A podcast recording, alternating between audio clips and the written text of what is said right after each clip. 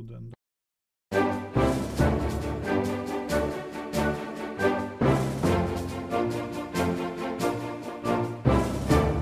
Velkommen. I dag sier vi godt nyttår til vår Kina-korrespondent eh, Jørgen eh, Lone. Og jeg sier Xinyin Kuailø til dere i Oslo. Jørgen eh, Lone har dermed allerede slått an tonen, og ikke minst hva som blir tema i denne sendingen, nemlig Kina og kinesisk økonomi. Mitt navn er Alf Ole Ask. Børsras og lavere kinesisk vekst, den er under 7% og den laveste på år og dag. Hvordan påvirker det oss, og ikke minst eh, påvirker det eh, kineserne? Dette er spørsmål vi skal komme inn på i denne sendingen. I tillegg til eh, Lone fra Beijing er økonomiredaktør Ola Storeng med oss. Men for å starte i Kina. Denne uken feirer dere nyttår. Den store mm. festen i Kina, Jørgen. Apens år har startet. Kan man ut fra festligheten i Kina se at det er eh, en lavere økonomisk vekst eh, og en slags krisestemning? Det korte svaret på det spørsmålet må bli nei. Uh, Riktignok er det sånn at mange syns den årlige gallaen som ble overført direkte i TV nyttårsaften, og som alle ser og Dette er altså nyttårsaften for apens år, som var nå på søndag. Uh, mange mente at den hadde et ganske nøkternt preg. Men slik har det egentlig vært helt siden Xi Jinping overtok makten i landet for noen år siden og startet kampanjen sin mot offentlig sløseri, bl.a. Så vi skal være forsiktige med å ta akkurat denne mangelen på overdådighet som et tegn på bekymring over lavere vekst. Eh, dessuten så ser det ut til at folkets egen feiring av denne årets største familiefest den ser ut til å gå som, som den pleier i hele det store landet. Men, Noe lavere vekst i, ja. Men uh, for å få med oss Ola her også, uh, Jørgen. Ola, hvordan vil du kort, uh, og slik at selv ikke-økonomer kan forstå det, forklare hvorfor er svingninger i Kinas økonomi så viktig for oss? Det er jo slik at de siste 10-15 årene så har det aller meste av veksten i verdensøkonomien vært drevet fram av Kina, økningen i etterspørselen i Kina, økningen i produksjonen i Kina, og tilsvarende også i mange andre asiatiske land, og i det som blir kalt dynamiske økonomier verden rundt. Brasil, eh, Sør-Afrika osv. Og, og dette har ikke minst dratt med seg råvarepriser, olje osv. Og, så og denne fantastiske vekstperioden er nå over. Og da oppdager vi ved slutten av den at Kina er blitt en gigant, sånn at alt som skjer i Kina har nå mye større betydning enn før denne perioden startet for 15 år siden. Ja, det fikk jo vi nordmenn også merke denne uka. Ja, det kan vi trygt si. Det gjelder, eh, det gjelder oljeselskaper eh, verden over. Det gjelder norsk stat, som tar inn det meste av oljerenten. Det rammer minst like hardt andre råvareprodusenter. Gruveindustrien verden rundt, den eh, vakler og jeg er kanskje si litt for sterkt, men i hvert fall har så store problemer at noen er bekymret også for bankene, som finansierer en del av denne virksomheten. Selv en kjempe som Deutsche Bank har jo stupt. Men er det altså eh, fallet i etterspørselen av råvarer, deriblant olje i Kina, som eh, påvirker oljelandet Norge mest? Eh, jeg vil si ja, men jeg vil komme med et uh, tillegg. Fordi at uh, altså, Ta en liten digresjon, som det, som det, heter først. Hvis du vokser med 10% i året, som Kina gjorde, så fordobles produksjonen i landet hvert sjuende år. Hvis du vokser med 7% i året, så fordobles det hvert, hvert tiende år. Fantastisk det også, og mer enn dobbelt så høy vekstrate som i, i resten av verdensøkonomien. Men så kommer poenget. Det som virkelig har endret seg i Kina, det er at den enorme økningen i industriproduksjonen og eh, investeringene i betong og sement har falt. Den faller. Og det er den som har trukket eh, råvareprisene. Og industrivarene er dessuten viktigere enn eh, andre deler av økonomien for handel med andre land. Dermed så plutselig så vet vi ikke helt hvor vi har Kina, og i tillegg så stoler vi jo heller ikke på tallene. Så dermed sprer det seg en usikkerhet. Vi vet det skjer store endringer, men vi vet ikke nøyaktig hva det er. Jørgen, eh, det skal jo til også store økonomiske omstillinger i, eh, i, Kina. I dag er landet en stor råvareprodusent. I tillegg produserer det jo da eh, mye av de billige varene som, som vi forbruker her i Vesten. Og i denne omstillingen så skal det jo bl.a. fjernes noe sånt til å begynne med som 400 000 arbeidsplasser i eh, stålindustrien. Hvordan eh, tar alminnelige kinesere økonomiske, de økonomiske og sosiale utfordringene som de nå står foran? Ja, I den grad de er klar over uh, dette og, og, og, hvordan dette nå kommer til å gå videre, så viser det seg at de fortsatt er ganske tilfredse og stoler på at staten og kommunistpartiet vil klare å levere det de har levert de siste ti årene. Altså relativt trygg velstand og en bedring av levekårene de fleste år for år. Det er en undersøkelse som er foretatt av Vin Gallup International nå ved årsskiftet. Eller den ble presentert ved årsskiftet, og Den plasserer kineserne helt i verdenstoppen når det gjelder optimisme foran 2016. Ikke minst når det gjelder de økonomiske utsiktene. Eh, de offisielle mediene her de bringer stadig artikler og innslag som skal berolige og fortelle at Kinas økonomi bare er i en uh, naturlig utvikling, ikke noen dramatisk negativ nedgang eller endring. Og det blir de nok trodd på. Men altså, når det er sagt, så er jo de dramatiske endringene du nevner, de begynner å bli merkbare for mange. F.eks. bare her i Beijings naboprovins Hebei, der mye av stålproduksjonen foregår. Eh, jeg besøkte for en tid tilbake noen lokalsamfunn som uh, har mista sin hjørnesteinsverdi fordi det er nedlagt. Og Befolkningen der er selvsagt bekymret for fremtiden. De blir rapporterer om stor arbeidsløshet, økende kriminalitet, håpløshet som brer seg i disse miljøene. Men eh, hvor lenge kan dette pågå før man vil se også en slags sosial uro i, i Kina mer, som er mer omfattende? Ja, eh, Da børsfallet var på det verste her i, på, på og i begynnelsen av høsten, så så vi jo rasende småinvestorer som uh, marsjerte i gatene i Beijing og andre byer. Uh, etter at de hadde tapt sine sparepenger, eller i verste fall lånte penger på kursfallet på børsene. Selv om sånne spontane massedemonstrasjoner ikke tolereres i Kina, så vet vi jo at det iblant skjer også i andre sammenhenger. På landsbygda heter det jo at bønder ventilerer, ventilerer sitt raseri over mark som blir ekspropriert til utbyggingsprosjekter f.eks. Åpenbart korrupte lokale partiledere blir ofte gjenstand for små opptøyer. Eh, og det er også eksempel på eh, hverdagslige ting som økning av f.eks. Eh, prisen på bussbilletter, som har utløst nok sinn til at noen tar risikoen på å protestere offentlig. Uh, og Selv om myndighetene som kjent overvåker innbyggerne nøye, så gir nok internettet nye muligheter for å mobilisere i forbindelse med sånn misnøye. Og Det kan vi nok komme til å se noe mer av nå, eh, etter hvert som denne utviklingen går videre. Hvis økonomisk omstilling og lavere vekst fører til at svært mange, svært mange får dårlige levekår, ja, så tror jeg vi vil se flere slike hendelser enn i dag. Men det, det, er, vel, Men, eh, det er, vel, slik, Jørgen, at ja. Eh, som du egentlig var inne på, at eh, generelt så kan man jo ikke snakke om at det blir dårligere levekår for kineserne. Tvert imot så er jo veksten så høy at det, man ville jo jublet i alle andre mulige land. Men det vi vel ja. ser, er noe som vi også har sett i andre asiatiske land. Kan gå helt tilbake til Japan rundt før og etter 1960-70, om du vil. hvor Uh, og vi kan ta på Taiwan, flere, flere land i uh, Sørøst-Asia som hadde enorme vekstrater, som er karakteristisk for uh, fattige land som har gjort fornuftige investeringer både i infrastruktur og utdannelse.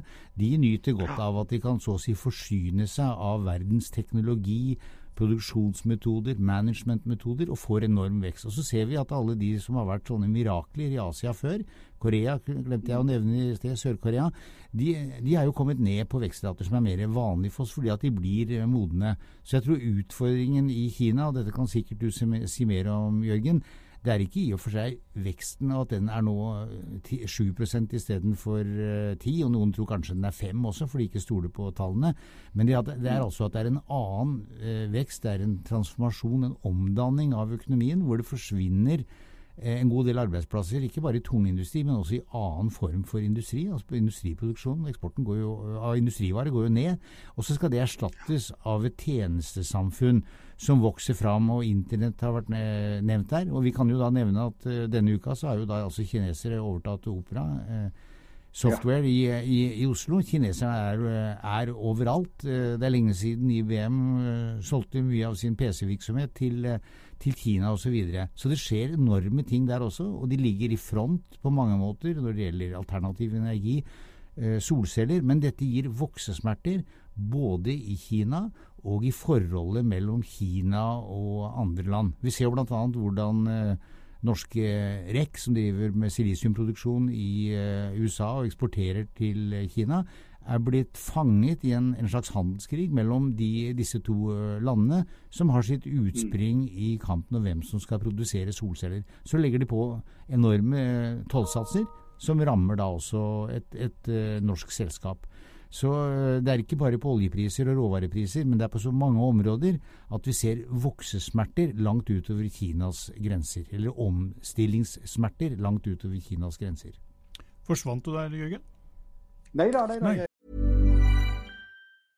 Hey, I'm Ryan Reynolds. Recently, I asked Mint Mobile's legal team if big wireless companies are allowed to raise prices due to inflation. They said yes. And then when I asked if raising prices technically violates those onerous two year contracts, they said, What the f are you talking about, you insane Hollywood ass? So to recap, we're cutting the price of Mint Unlimited from $30 a month to just $15 a month. Give it a try at mintmobile.com slash switch. $45 up front for three months plus taxes and fees. Promoting for new customers for limited time. Unlimited more than 40 gigabytes per month. Slows. Full terms at mintmobile.com. Ready to pop the question? The jewelers at BlueNile.com have got sparkle down to a science with beautiful lab-grown diamonds worthy of your most brilliant moments. Their lab grown diamonds are independently graded and guaranteed identical to natural diamonds, and they're ready to ship to your door. Go to Bluenile.com and use promo code LISTEN to get $50 off your purchase of $500 or more. That's code LISTEN at Bluenile.com for $50 off. Bluenile.com code LISTEN. Hey, I'm Ryan Reynolds. At Mint Mobile, we like to do the opposite of what Big Wireless does. They charge you a lot, we charge you a little. So naturally, when they announced they'd be raising their prices due to inflation, we decided to deflate our prices due to not hating you. That's right. We're cutting the price of Mint Unlimited from $30 a month to just $15 a month. Give it a try at mintmobile.com slash switch. $45 up front for three months plus taxes and fees. Promo for new customers for limited time. Unlimited more than 40 gigabytes per month. Slows. Full terms at mintmobile.com. Hey, everyone. I've been on the go recently Phoenix, Kansas City, Chicago. If you're like me and have a home but aren't always at home, you have an Airbnb. Hosting your home or a spare room is a very practical side hustle. If you live in a big game town, you can Airbnb your place for fans to stay in. Your home might be worth more than you think. Find out how much at airbnb.com/slash host. Du hørte, Bare- vi hørte et pling. Hør, hørte på Ola. Det var, det var vel et nyttårssignal? vi hørte bare et Ja. pling, så kunne tro ikke at du, du forsvant. Eh, eh, men tilbake til, til dette. Er, eh, hvor mye av dette som nå Ola eh, her eh, var innom, ser du eh, og er kinesere du snakker med opptatt av? De jeg snakker med, og særlig her i Beijing, er ikke spesielt opptatt av dette. Jeg, jeg spurte f.eks. en god venn av meg som har hele sin familie samlet til nyttårsfeiring, som vi har snakket om eh, her i disse dager. De kommer fra forskjellige kanter av Kina, særlig fra nordøst, også fra Shanghai og andre steder. Eh, hvor mye snakker dere om dette, og hvor bekymret er dere for eh, den videre eh, utviklingen økonomisk? Og han sier at dette er noe vi ikke er redd for i det hele tatt. Vi tror at uh, omstillingene vil, vil komme på en måte som, som er til beste for landet. Og at uh, partiet og regjeringen har virkemidler å spille på, at de vil bruke dem til det beste for, uh, for økonomien. Og dette er en mann som ikke nødvendigvis er kommunistpartiets beste eller ivrigste støttespiller. Så han uttrykker det sånn. Altså økonomisk så er jeg optimist, men politisk er jeg pessimist. Når når vi sitter og snakker sammen, så høres det jo ut som det er vi, og ikke kineserne, som er mest bekymret Ja, det, var, det, var, det var mitt neste poeng. Ja, men, men her er det jo og det, og det er ikke helt uten grunn. Altså Det vi må huske på, er at uh, i det som vi har sett på som uh, de sterke, store økonomiene ellers i verden, og vi som sitter her langt borte fra Kina og Asia og ikke skjønner at de fleste menneskene i verden bor der, vi, vi har jo lenge sett at eh, Europa strever voldsomt. De, både før eh, eurokrisen og etterpå får ikke opp igjen eh, veksten. Og eh, vi ser også at eh, selv om USA raskere har kommet seg etter finanskrisen eh, enn i Europa, så er også oppsvinget der mye svakere enn ved tidligere opp, eh, oppganger. Og da når man begynner å se på tallene, så ser man, hvis man ser over det siste tiåret eller noe sånt, at noe sånn som 70% av økningen i etterspørselen globalt, den har kommet fra Kina, andre dynamiske land i Asia, til dels i eh, Latin-Amerika. Så, så, denne oppmerksomheten om Kina, den, den, har nok sitt opphav i at vi skjønner gradvis at Kina har vært så viktig for å, for å hjelpe oss også å holde fart i vår eh, økonomi. Og, og, vi aner ikke helt hva som skal erstatte det, fordi verken europeere, i hvert fall ikke europeere, og til dels ikke amerikanere, men særlig ikke europeere, har jo ikke noe grep om hvordan de skal håndtere sin egen eh, økonomi. Og vi ser populistiske politiske strømninger på begge sider av Atlanteren, som er eh, noe av svaret på, på, dette. Så Derfor ser vi på Kina både med litt frykt og med litt håp. Du nevnte det eh, for litt siden, Jørgen. Dette med at eh, dine venner snakker om at de er økonomiske optimister, men politiske pessimister, om man kan, eh, kan si det sånn. Og eh, den nåværende ledelsen i Kina har jo eh, styrket persondyrkingen og vel ensrettingen og, og gjort det tøffere for opposisjonen, samtidig som eh, de økonomiske forholdene jo har bedret seg. Ja, jeg er litt usikker på om vi skal kalle skal vi si, hyllesten av Xi Jinping, som jeg tror du sikter til akkurat for persondyrkelse, i hvert fall i kinesisk sammenheng, som, som jo uh, mer uh, påminner om Mao Zedong og den uh, grenseløse dyrkningen av han. Xi er svært populær i folket. De kaller han ofte for Xi Dada, onkel Xi. Men det er altså foreløpig i hvert fall på ingen måte slik at han blir dyrket på samme måte som formann Mao eh, Zedong, Folkerepublikkens grunnlegger. Kan jeg skyte inn et spørsmål der, Jørgen? Og det, og det, er, ja. det inntrykket jeg har, det er i hvert fall at Ski under han så har det skjedd en slags sentralisering av leders, det politiske lederskapet. Det er ikke sentralkomiteen så mye som det nå er presidenten og til dels statsministeren som holder i tømmene. Altså Du får et slags inntrykk av at uh, disse personene også reelt dominerer på en annen uh, måte, som gjør at, at, noen begynner å tenke helt tilbake til, uh, til Mao. Ja, og, og, der kan det nok være noe som ligner, men kanskje ligner det mer på uh, perioden til Deng Xiaoping. Den, ja, nettopp. Uh, uh, men uh, i, all, i, alle fall så kan det se ut slik, ifølge velorienterte analytikere, som om det kollektive lederskapet, som på en måte har vært et prinsipp, i hvert fall etter Deng, det er suspendert. At det er Ski som trekker i stort sett alle tråder. Uh, siden han ble kommunistpartiets generalsekretær og, og militærsjef i 2012, og året etter Kinas president, så har han konsentrert mer og mer makt i sine egne hender. I det siste, og det er kanskje noe som kan minne litt om persondykkelse, i det siste har partiledelsen uh, gjennom statsmediene begynt å titulere Xi på en ny måte. som nå får sinologer blant lytterne unnskylde meg hvis jeg uttaler det helt feil, men som Høchin det er et begrep som betyr kjerne. Mm. Altså at uh, Xi er kjernelederen for kommunistpartiet, landet og det kinesiske folk. Uh, men til tross for dette, etter min mening, heller enn å bli gjenstand for nesegrus tilbedelse som Mao så ufortjent ble i sin tid, så ønsker Xi, tror jeg, å bli respektert som Kinas sterke mann. Hvis han følger et forbilde blant sine forgjengere, så er det nok heller Deng Xiaoping, mannen som får en stor del av æren for den Kinas vekst som vi, som vi, snakker om i dag. Men Hvis jeg får lov å prøve meg nå på å låne litt av Alf Oles uh, tid til å stille spørsmål her sånn. Uh, økonomer har jo vært veldig opptatt av at eh, når Kina har spart så mye og investert så mye, nye fabrikker, folkevandring fra innlandet til kysten, så har mange sett det slik at dette først og fremst har vært oppskriften for å bevare den politiske stabiliteten, nye jobber, høyere levestandard. Og, og, når da ikke lenger Kina, som da allerede er verdens fabrikk, når den siden av økonomien ikke lenger ekspanderer, så, så blir det jo ikke like lett å sentralstyre hvilken fremtid man skal by øh, den kinesiske massen, hvor de nye arbeidsplassene skal øh, skapes. Er dette oppe i den politiske diskusjonen i Kina?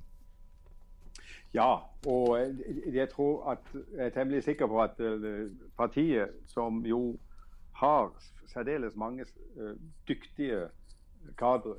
Uh, er veldig klare på dette og uh, forsøker å utarbeide alternative løsninger for hvordan man, skal fortsette å beholde hegemoni på den politiske makten, som er svært det viktigste for partiet.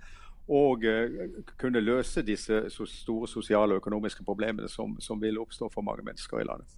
Men er det virkelig mulig for, en, for, et parti som det kinesiske kommunistpartiet å liberalisere økonomien, men nærmest stramme inn politisk eh, og den politiske ensrettingen? Det syns jeg er et uh, for å si det sånn, et veldig godt spørsmål. Tusen takk skal du ha. Sett, jeg tror ikke helt vi har sett fasiten på, på, på det ennå. Men uh, det er ingen tvil, tror jeg, om at det er nettopp det man forsøker å gjøre. Lykkes de? Så langt så har de vel ikke mislykkes. Men uh, vi må, må, se utviklingen videre, hvordan, det, hvordan dette går. Og Det eh, leder meg til en liten eh, kjapp avslutningsrunde, eh, Jørgen. Nå har du vært noen år i, i, eh, Kina og du har vært med på kinesisk nyttår før. Fortell oss litt, grann, hvordan er denne nyttårsfeiringen? Det er først og fremst den store familiefesten. Det er julaften og mer til for, for uh, alle kinesere.